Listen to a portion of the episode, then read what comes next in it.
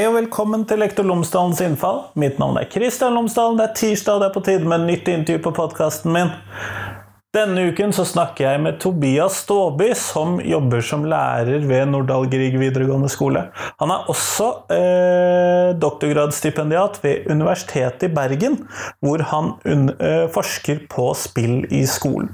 Og det er nettopp spill i skolen som vi skal snakke om i denne episoden. Hvordan man bruker det, og hva doktorgraden hans eh, kommer til å handle om.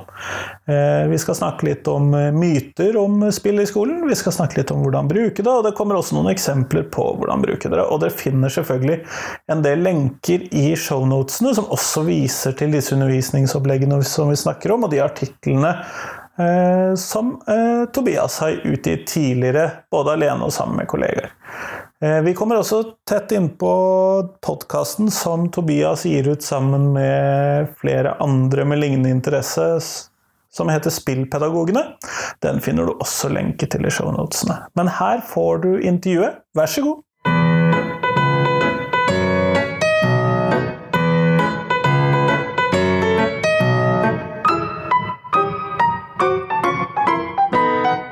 Tobias Staaby, tusen takk for at jeg har fått lov til å komme og prate med deg i dag.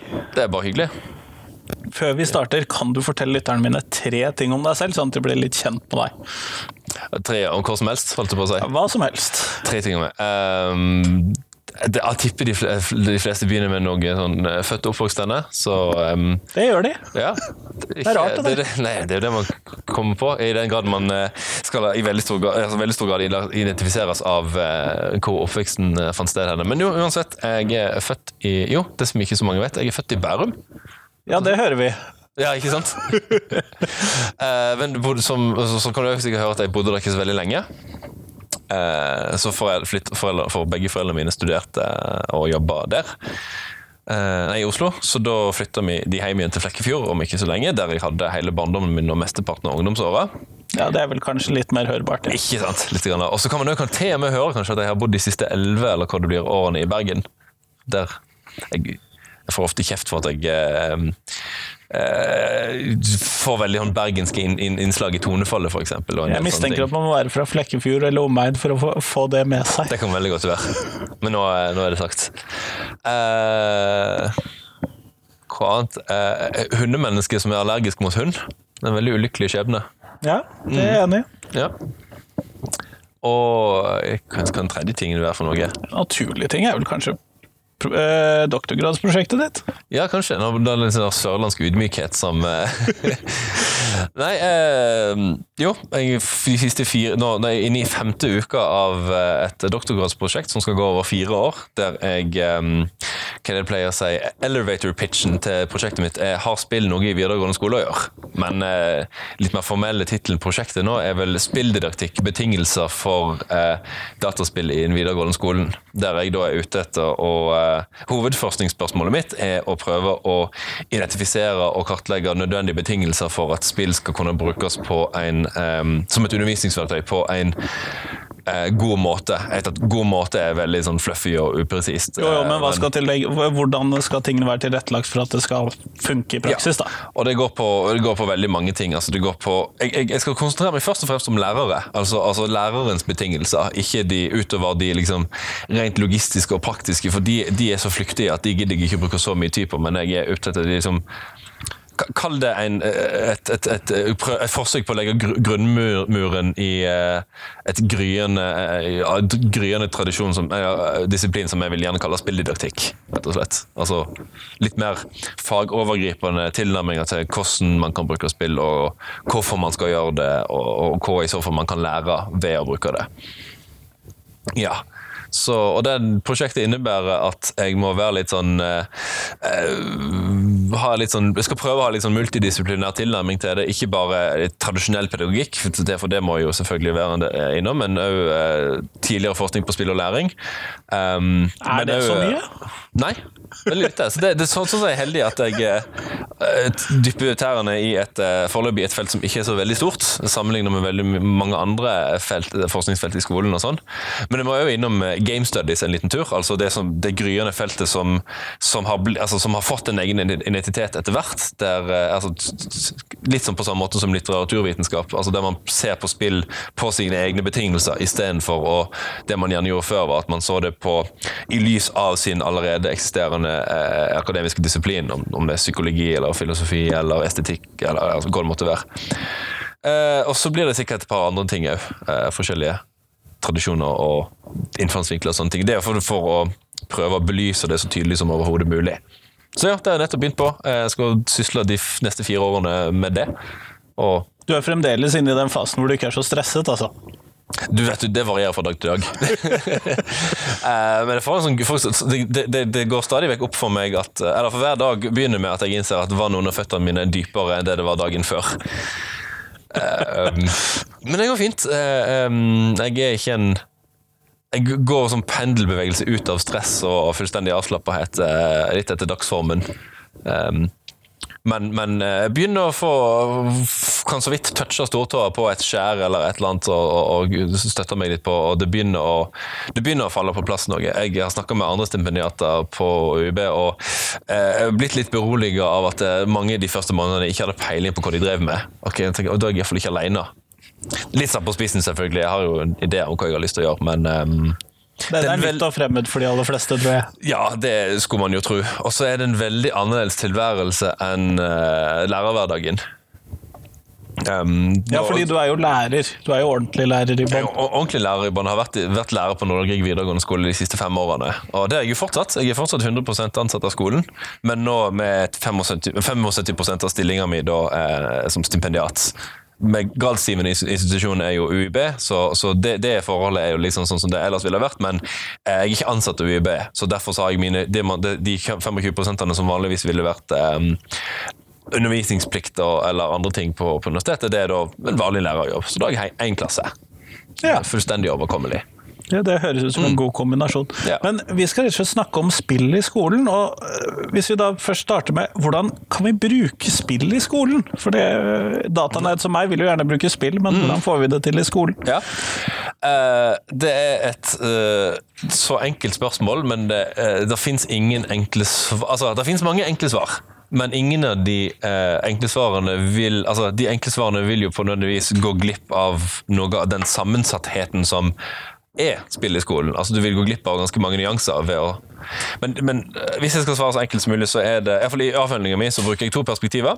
Eh, og Det ene er en antakelse som jeg eh, forbeholder meg retten til å gjøre, og det er at variert undervisning er bra et gode uansett. Ja, det har vel blitt etablert de siste ja. 10-12-15-30 årene. Ikke sant. Og, og, og, det gjelder liksom, og da, og har det et, et so, so, so, sosialt og, demokratisk aspekt ved at undervisningen skal være variert, sånn at ulike elever får møtt ulike måter, altså får tilnærmet seg stoffet på ulike vinkler.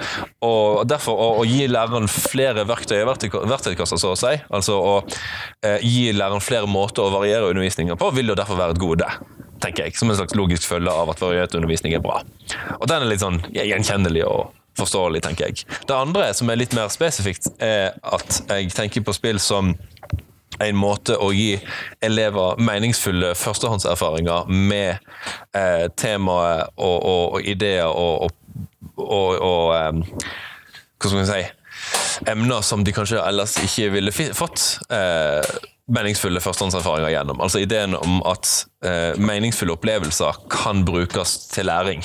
Ikke nødvendigvis at opplevelsen i seg sjøl er lærerik, altså en spillopplevelse i seg sjøl, men at den kan gjøres eh, lærerik eh, ved å ha en, en, god, lærer som klarer å trekke de nødvendige parallellene mellom eh, spillopplevelsen og faget. rett og slett. Så opp, opp, opp, opplevelser gode for læring, kort oppsummert.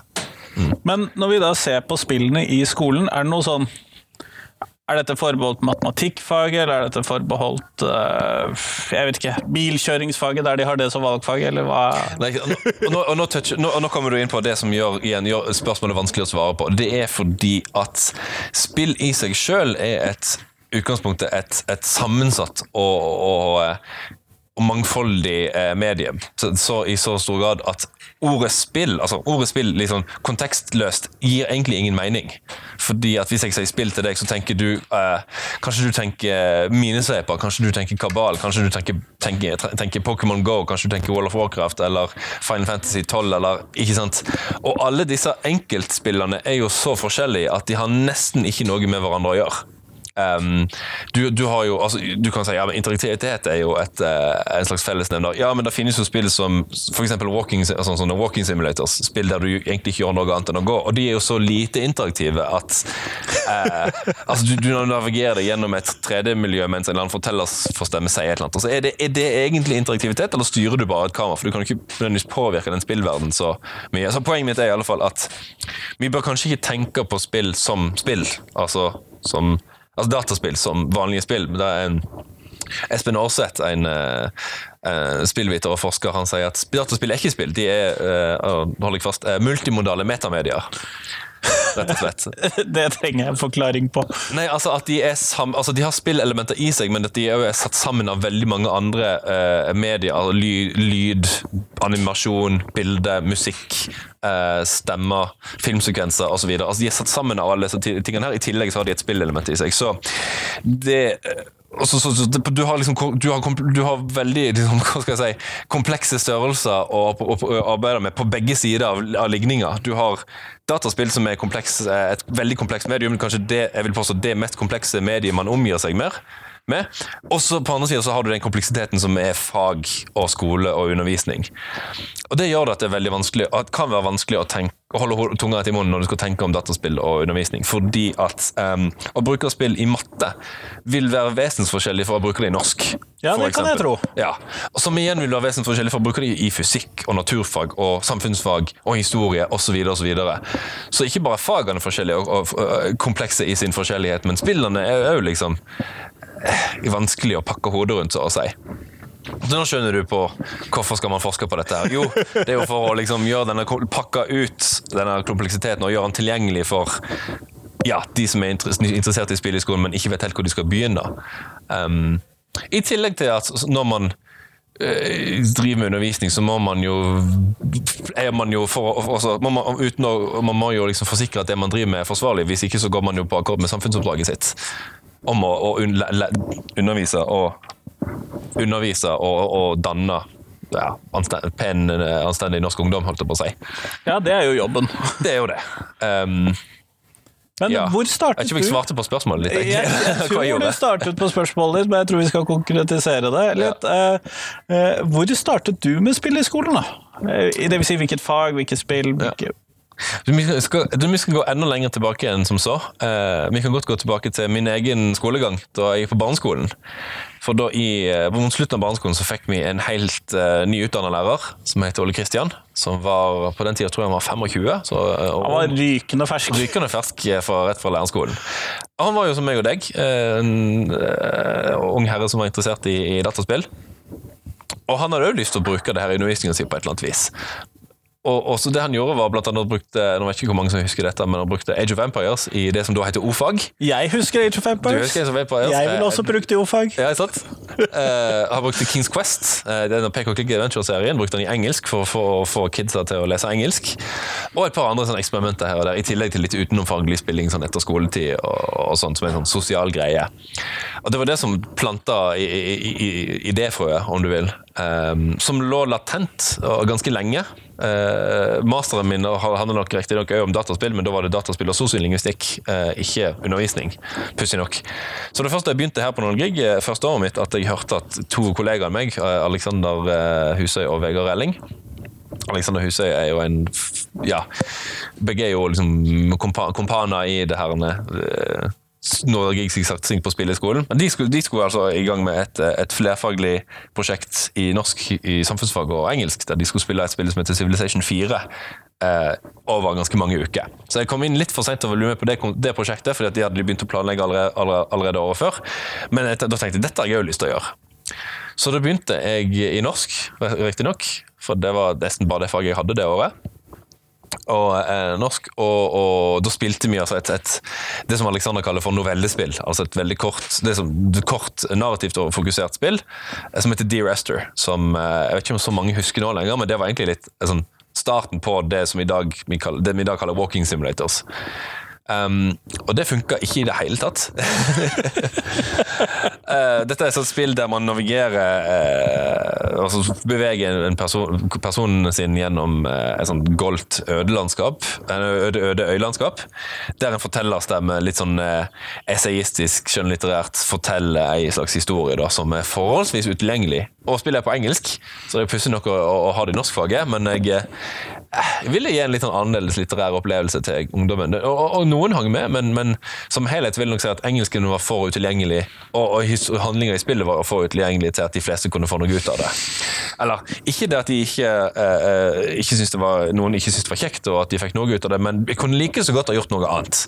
Og, og sikkert mye bedre òg. Lest en novelle eller et eller annet sånt. Så det funka ikke. Men seinere det året da, så fikk jeg en idé som skulle vise seg å være mitt eh, sånn, største partytriks når det gjelder spill i skolen. Og det var jeg fikk ideen når jeg satt hjemme og spilte, uh, spilte The Walking Dead fra Telltale Games. Så og kom på at dette kan jeg jo bruke i religion og etikk for å lære ungdommen å bruke etiske teorier når vi skal argumentere hva en god handling er eller ikke er. Og så tok jeg med PC-en min dagen etter, bare til religionsklassen min. og da var Det, det her var liksom etter, etter skriftlig eksamen og ikke så lang tid. Vi hadde ikke så mange timer igjen, vi var ferdig med pensum, hadde litt god tid. Så smelte jeg opp Walking Dead eh, i klassen og sa til dem at nå spiller dere. En, en har kontrolleren, de andre er med å liksom si hva man skal gjøre. Og når det kommer et dilemma, så bruker dere det vi lærte tidligere i år, altså etikk eh, og moralske, moralfilosofiske teorier. Så bruker dere de når dere argumenterer. Og det funka såpass bra at jeg valgte å lage et uh, helhetlig undervisningsopplegg til neste år, og resten er, som de sier, historie. Men det er det undervisningsopplegget hvor det også finnes en ferdig Kahoot for disse etiske valgene, er det det? Yes og et ferdig undervisningsopplegg. Og, og eh, ja, at det finnes til med en, engelsk, en versjon eller to på engelsk et eller annet sted, som jeg vet at lærere litt rundt om har brukt. Så ja. Det er kanskje det, liksom Og det er vel kanskje fortsatt det beste undervisningsopplegget jeg har lagd, for at det er så bitene falt på plass så eh, friksjonsløst, på et vis. Ja. Sånn at da har vi The Walking Dead, zombier i um Eh, religionsfaget, hva, hvilke andre spill er det du har brukt selv i undervisningen? Eh, jeg har blant annet et par år brukt uh, Skyrim, som jeg uh, vet at du kjenner godt til, i alle fall. Men, ja, har vært borti det. Litt, litt. Men for de som ikke har vært borti det, så er det altså et uh, adventure-rollespill satt i en fant sånn fantasy-verden, så vi snakker sånn high fantasy à la Ringenes herre osv., men satt i et land som heter Skyrim, som er ganske der designer har latt seg ganske heftig inspirere fra eh, norrøn kultur og mytologi, altså fra ja, vikingtid og osv. Når, når det gjelder det rent estetiske, liksom. Uh, så det, så, og, og, og, så sier han dette spillet uh, jeg, jeg, personlig mener at de som har designet dette spillet, har latt seg inspirere Eller lånt ganske heftig fra det uh, bygningsarbeidet som de norske nasjonalromantiske kunstnerne gjorde. Altså det å forbinde Ikke bare forbinde den, altså norsk natur med Norge, rett og slett, men òg å tenke på at naturen som et estetisk vakkert sted som man skal ønske å oppsøke, ikke et farlig sted med masse monstre og, og shit, selv om det er monstre i dette spillet òg. Så da har jeg brukt det spillet et par ganger for å snakke om um, for å hjelpe elevene liksom, å konseptualisere hva eh, romantiske naturuttrykk kan være for noe, og hvordan den omgir de den dag i dag. ikke bare, altså Romantikken og nasjonalromantikken var ikke bare noe man drev med for lenge siden. Så det er ikke bare brudeferden i Hardanger, men du ikke går sant. også på tur i naturen i Skyrim? For eksempel. Uh, så, og, og, men, og så, så har jeg brukt det i norsken noen ganger. Igjen, det, det, har dette med engelske spill i norsken, men det er ikke så mange gode spill på norsk, så da tar jeg det jeg har. Eh, her har jeg spilt eh, PlayStation-spillet The Last of Us eh, gjennom to ganger med to forskjellige klasser, som er et eh, eh, Ja, hva skal vi kalle det? Action-adventure-spill satt i en eh, postapokalyptisk setting der zombiene har kommet, og ja, alt er skikkelig kjipt. og sånn. Verden er litt på tur. Den verden er litt på tur. Uh, det kan minne litt for de som ikke har spilt spillet, men kanskje har kjent til Cormac McCarthy's In The Road, så kan det ligne litt sånn stemningsmessig. Den er ikke like dyster, men kan minne litt. Da har vi spilt gjennom hele spillet. Da har elevene spilt hjemme, riktignok. De har fått spillelekse. Spill så langt til neste gang. da hadde jeg fem kopier av spillet som jeg delte ut til elevene. Så sa de, ok, kjøp noen chips og digg eh, og brus, og gjør en kveld ut av det. Så skal dere spille så langt til neste gang, og så snakker vi om det på skolen. Eh, og det gjorde jeg med, har gjort med to forskjellige klasser, og den ene året etterpå, da jeg hadde de på VG3, eh, sa at det var noe av det kjekkeste vi hadde gjort i hele, hele norsken. Det var å spille dette spillet her. For jeg tilnærmer meg det som en roman. Altså en, en lang historie som hele klassen skulle gå igjennom, og som vi snakker om på veldig mange måter. Ja, For dette er jo også et lineært spill, sant? det Ja. utvikler seg jo rimelig likt Ja. hver gang. Ja, og så er det et veldig fokus på historiefortelling. Så kan du se hva du vil om det å skyte zombier og sånne ting, men eh, det er veldig, hovedvekta ligger på historien og på karakterene og deres utvikling osv. Så, så det, det var ikke spillbasert læring så mye som eh, et litterært analytisk opplegg der man snakker om et spill istedenfor en roman eller en film eller hva det måtte være. Eh, Men jeg har brukt andre ting òg. Har brukt eh, Civilization litt sjøl. Med sånn både hell og uhell. Og så har jeg brukt eh, annet jeg har brukt? Um, det går mye på et par andre sånne eh, narrative spill, eh, og så må jeg tenke litt. Jo, jeg har brukt sånne biter Jeg liker godt å bruke bruddstykker av spill. For eksempel eh, så har jeg med klassen spilt eh, introen til Battlefield 1. Altså første oppdrag til Battlefield 1. Et, et, spill i Battlefield-serien som er satt i første verdenskrig. Og så skal vi da på om populærkulturelle eh, måter å fremstille verdenshistorien på, om hvorvidt dette er liksom troverdig eller ikke. Så problematiserte vi prøvde jeg å få elevene til å problematisere det at Battlefield 1 sine utviklere har lyst til å både fortelle en seriøs historie om første verdenskrig, men samtidig sier de 'her kommer og kast gassgranater på hverandre', det er fett! Jeg ser noen utfordringer i den kombinasjonen. Ja, det gjorde elevene mine òg. um, Men ble dette sammenlignet da med andre første verdenskrigsfremstillinger i populærkultur, eller var det sånn frittstående og med den dimensjonen som du da skisserte? Akkurat I klasserommet så var det frittstående, men jeg prøvde jo å få de til å snakke om liksom, ting de sjøl hadde sett eller lest, eller hva det måtte være. Ja, Nå som eh, Battlefield 5 kom ut, som jeg sa til andre verdenskrig, så tror jeg skal Det er litt mer å ta av som populærkulturelt av fortellinger om andre verdenskrig sammenlignet med første. Så jeg kunne sikkert gjort noe mer ut av det. Men igjen, det ligger liksom ideen om hvordan man forholder seg til forholder seg til fortida, spesielt verdenskrigene, som der første verdenskrig er betydelig mer problematisk å trekke et skille mellom de snille og de slemme. sånn som eh, det man gjerne har for vane å gjøre i andre verdenskrig. Eh, men uansett, sidespor. Um, Ja, Sidespor er man jo ganske god på. ja, liv, hva hadde livet vært uten? Men fins det noen myter knyttet til spillbruk i klasserommet? Som du oppdager? Fordi at Jeg regner med at du har samtaler om spill i skolen med noen. Ja, for det, er, det man, noe første man gjerne antar, og som er en veldig forståelig antakelse, det er at spill er gøy, og derfor er spill med læring gøy. Um, problemet med den antakelsen der er at uh, altså det, det, det metaforen som ofte går igjen her, er brokkoli med sjokoladetrekk. Altså, du tar noe som barna i utgangspunktet ikke liker, og så du det mer, prøver du å gjøre det mer appellerende med å kle det inn i, pakke det inn noe som de liker. Men Jeg har aldri smakt brokkoli med sjokolade på, men jeg tipper at det ikke er særlig godt. Det hørtes uappetittlig ut. Ja, det gjør jo det. Uh, og det er jo det som er poenget, òg, at, at ideen om å gjøre altså for Antakelsen om at kjedelig læring blir gøy hvis du tar et gøy spill på, er litt problematisk. For det første så er det ikke sånn at læring nødvendigvis er kjedelig. Tvert imot kan det være kjempegøy. Um, for det andre så er det sånn at selv om spillet sikkert er kjempegøy, så er det ikke sikkert at den, øvre, den internerte læringa blir noe gøyere. Eller at opplegget rundt deg er gøy. Nei, eller at, eller at spillet i seg selv er gøy. Det er ikke alle som liker alle typer spill. Elever er sammensatte, sånn som folk flest er. Um, det andre er at spillinga i seg selv er lærerik. En annen antakelse. At, at ideen om at du kan sette et barn ned med et spill, og så danner de to et uh, lukka system der læring på magisk vis bare skjer.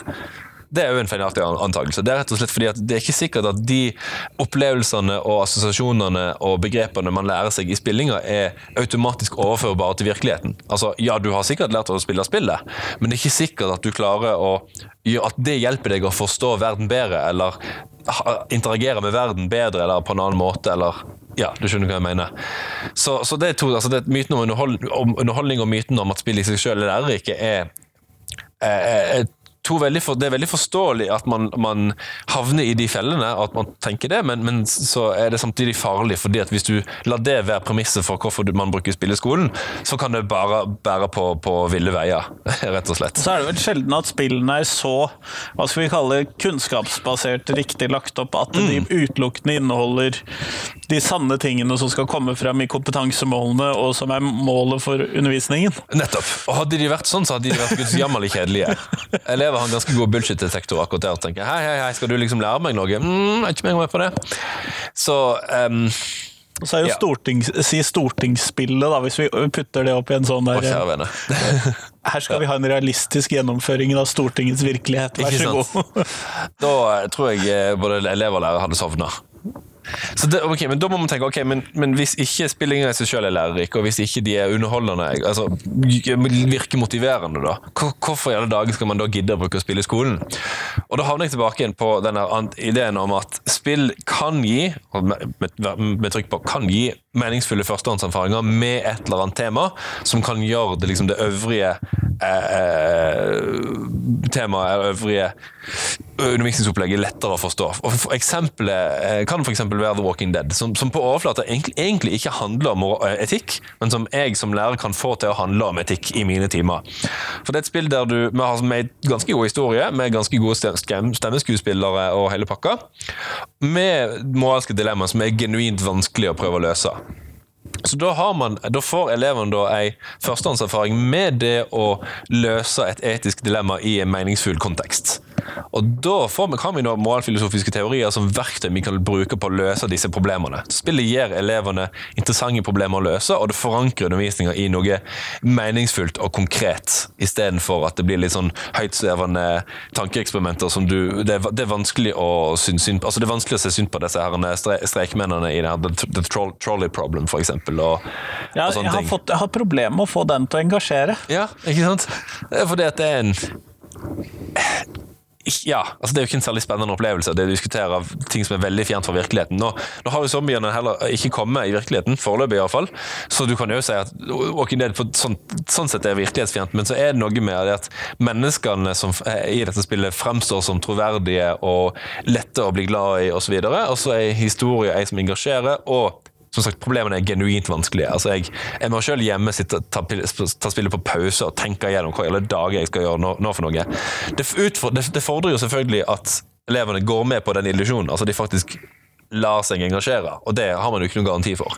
Men at, at etikkundervisninga mi med The Walking Dead er bedre enn den den ville vært uten, er jeg ganske overbevist om. Jeg skal ikke si at det er ikke mulig å, å, å lage god etikkundervisning for elevene uten et spill som The Walking Dead, men det gjør det mye lettere. Spillet har gjort veldig mye av jobben for deg.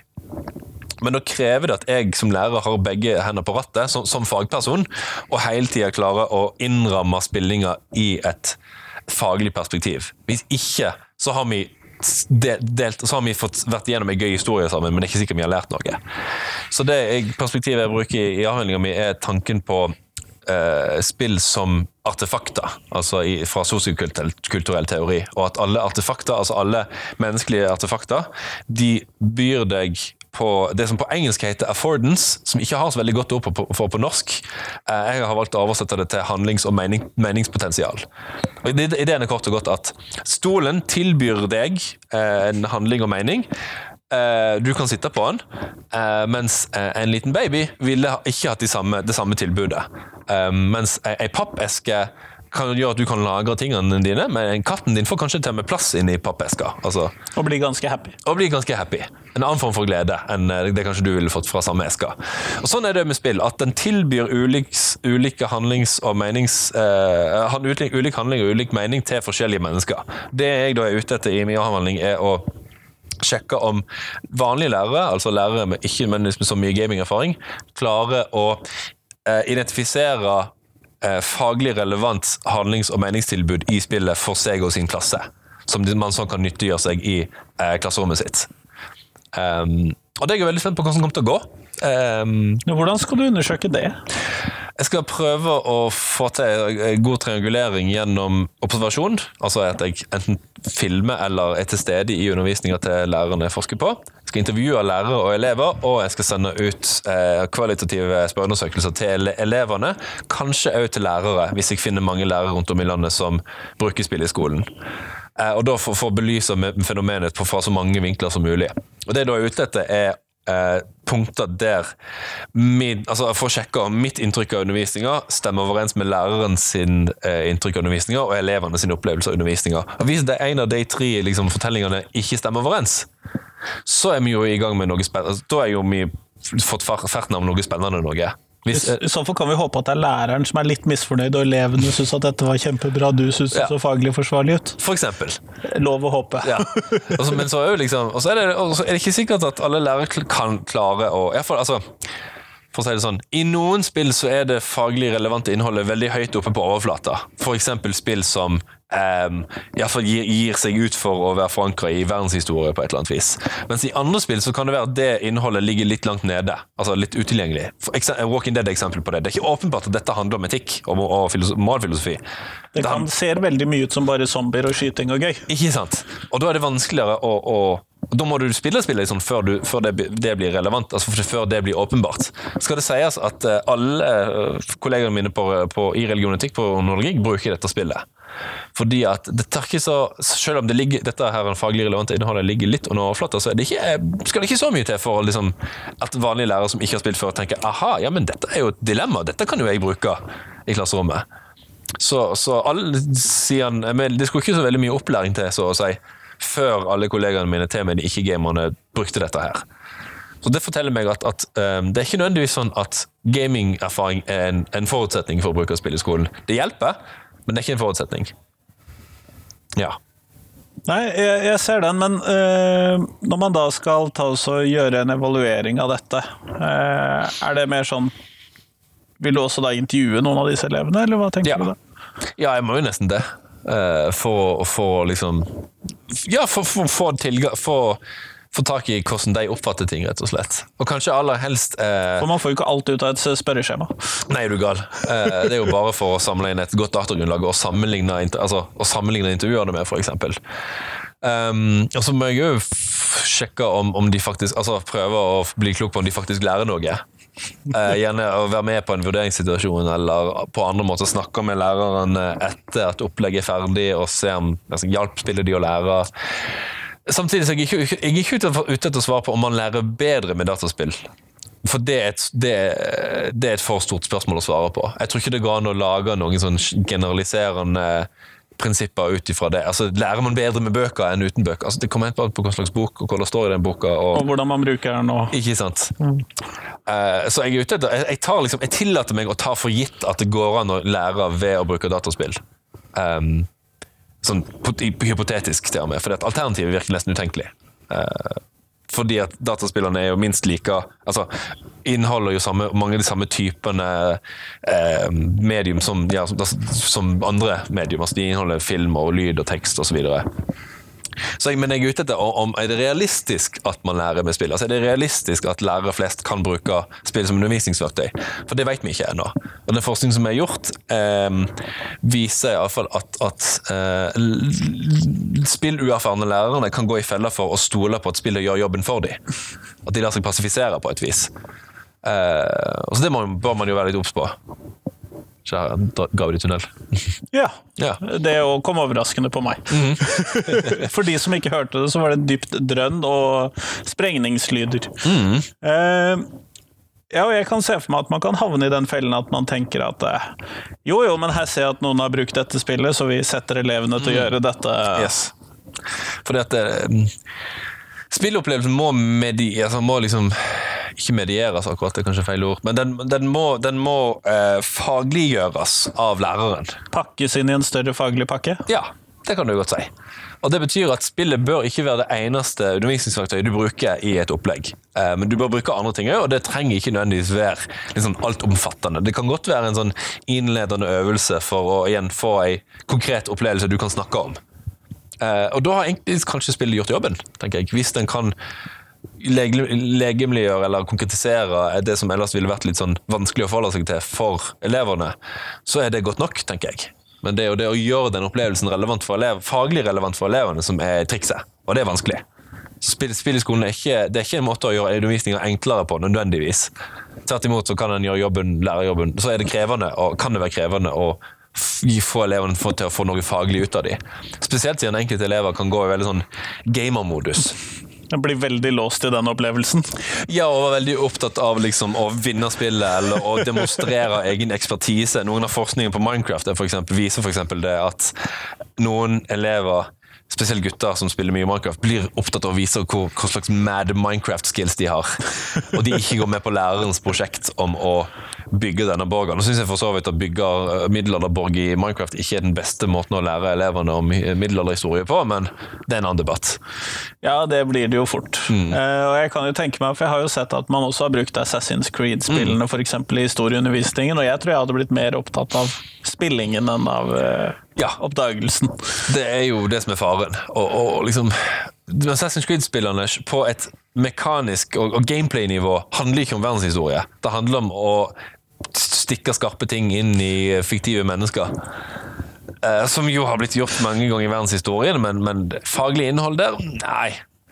Så Da må du sørge for at elevene ikke går i den fella der. Da. Vi- har, brukt, jo, jeg har for så vidt brukt Assassin's Creed sjøl i historie, men det var i ganske små opplegg. Der, og tids, altså, eh, det var en del av et større opplegg. Der, eh, det var sånn stasjonsundervisning. Der den gruppa som spilte Assassin's Creed, så rullerte de på sånn. De, de, de, skulle, de skulle spille et utdrag av Assassin's Creed Unity, som foregår eh, for de som ikke har spilt det, foregår i, Frank i Paris under den franske revolusjon.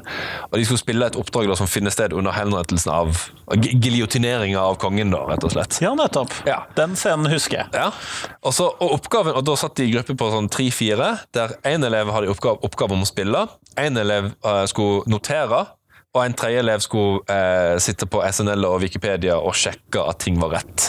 Så da skulle de da tilnærme seg spillet som kildekritiske historikere, og sjekke ok, er dette her er dette historisk troverdig, eller har utviklerne tatt, utviklerne tatt noen snarveier? Og de kom fram til at jau da, det var helt greit. Passe troverdig, men ikke helt. Um, for det, da, det, da er det ikke spillinga i seg sjøl som nødvendigvis er lærerik, selv om Assassin's Creed-spillerne har ganske mange sånne små artikler, altså tekstartikler om de stedene og personene og hendelsene du treffer. Men det er jo ikke mer lærerikt. Altså, da er det kanskje mer lærerikt å lese det i ei bok, tenker jeg. Samtidig, så jeg husker jo selv fra særlig de spillene som foregår i Italia i renessansen Mm. osv., at jeg brukte en del tid på å dobbeltsjekke personfortellinger osv., videre fordi at Ha! Han hadde jeg ikke hørt om før, skal vi se. Mm. Og, sånn, altså det, og det er jo styrken ved eksempel Assassin's Creed-spillene. At den, de, de for eksempel gjør deg klar over ting du ikke visste at du ikke visste. Og når man oppdager sånne ting, så vil man gjerne tette det kunnskapshullet, så å si.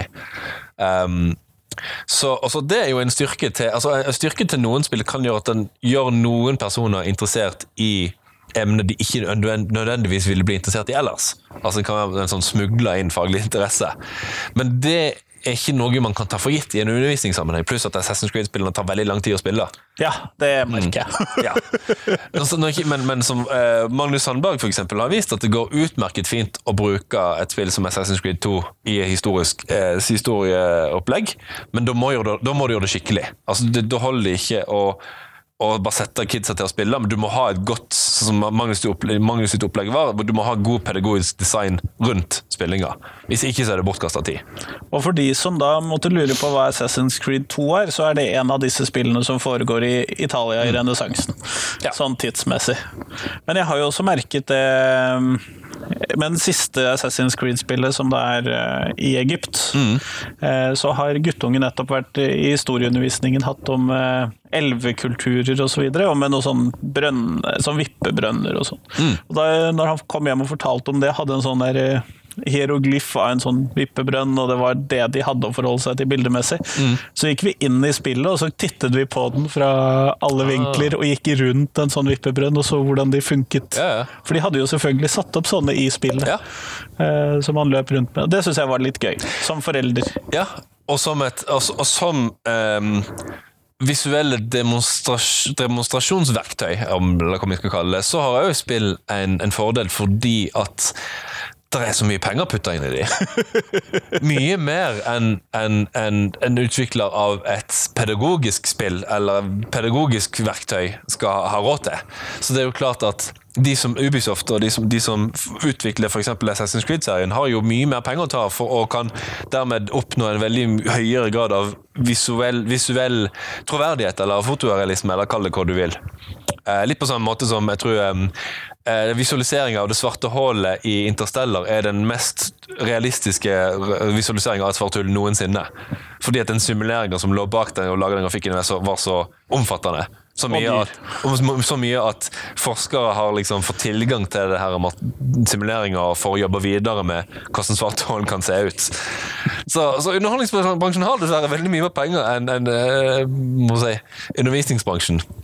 Og så altså er Det vel sånn, for det har jeg tenkt litt på, det er jo ingen filmskaper for en skolefilm som ville funnet på å stå og snurre rundt en sånn der vippebrønn Nei. i Egypt og fokusere på akkurat den ene litt sære tingen. Jeg heller noen som ville synes den filmen ville være særlig gøy. Men i et spill så kan du jo oppsøke liksom, det du, det du sjøl finner interessant.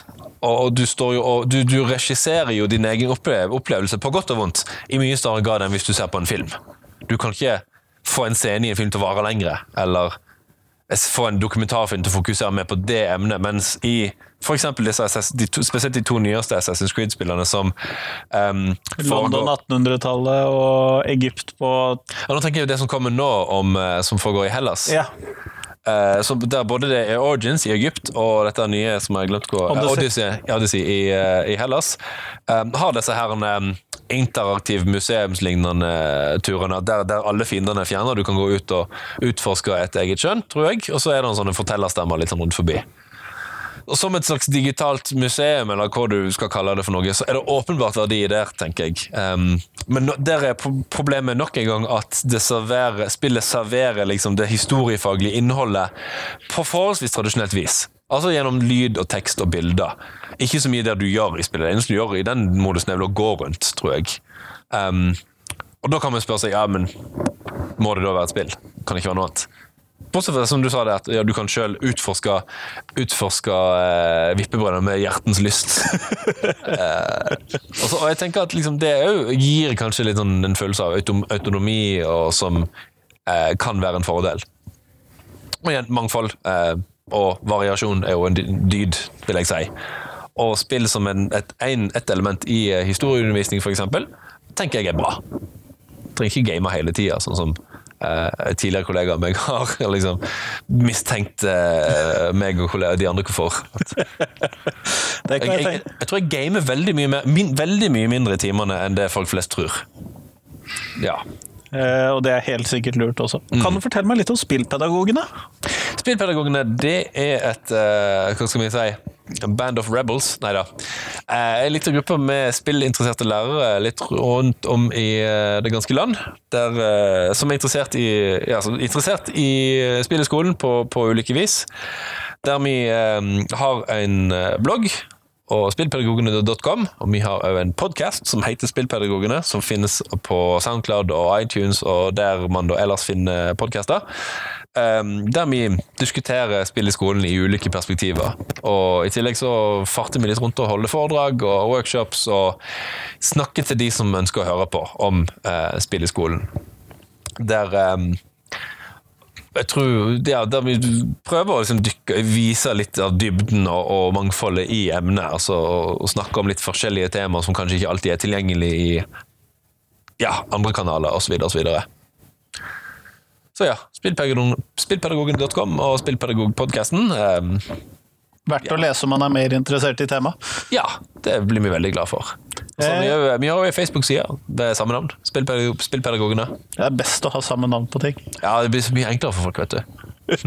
Men nå går vi mot slutten av podkasten, og da har jeg et fast spørsmål som jeg stiller til de jeg intervjuer. Mm -hmm. Og det er eh, hvis du skulle lage et nytt fag i skolen, hva skulle det inneholde, og hva skulle det hete?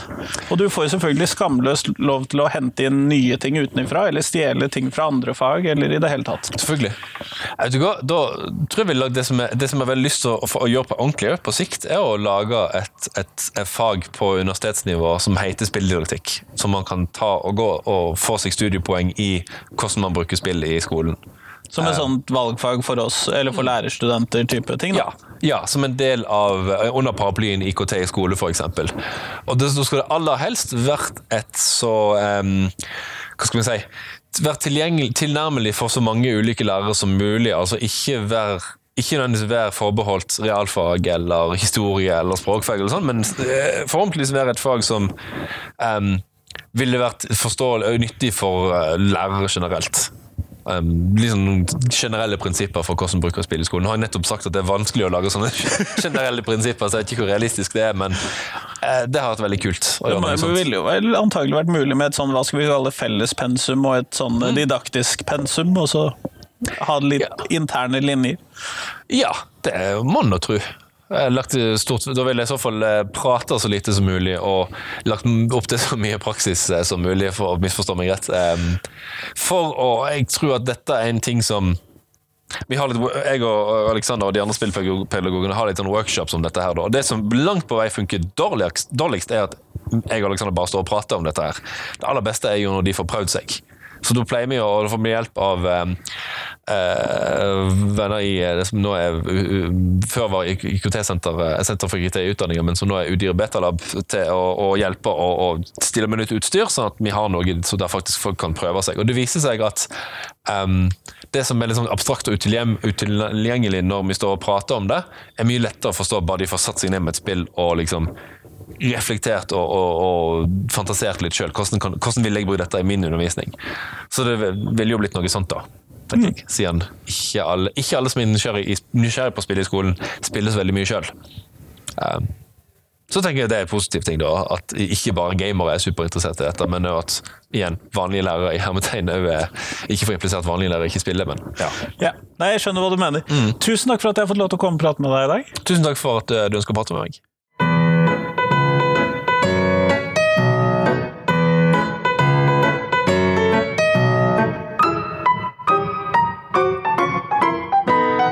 Tusen takk til Tobias, og tusen takk til deg som hører på. Nå er det en uke til neste gang eh, du hører fra meg. I mellomtiden så kan du kanskje gå inn og høre på noen av episodene som eh, har kommet ut på Spillpedagogen. Spillpedagogene, selvfølgelig. Eh, eller du kan ta også dele Lektor Lomsdalens innfall med noen som du tror eh, vil sette pris på den. Enten denne episoden, en tidligere episode du har hørt, eller hele podkasten, hvis det er noen som du tror det passer for. Og selvfølgelig, kjenner du en lærerstudent, så send selvfølgelig podkasten min den veien, for jeg tror at podkasten kan være særlig nyttig for lærerstudenter. Men i hvert fall, fram til neste uke, ha en fin uke. Hei, hei!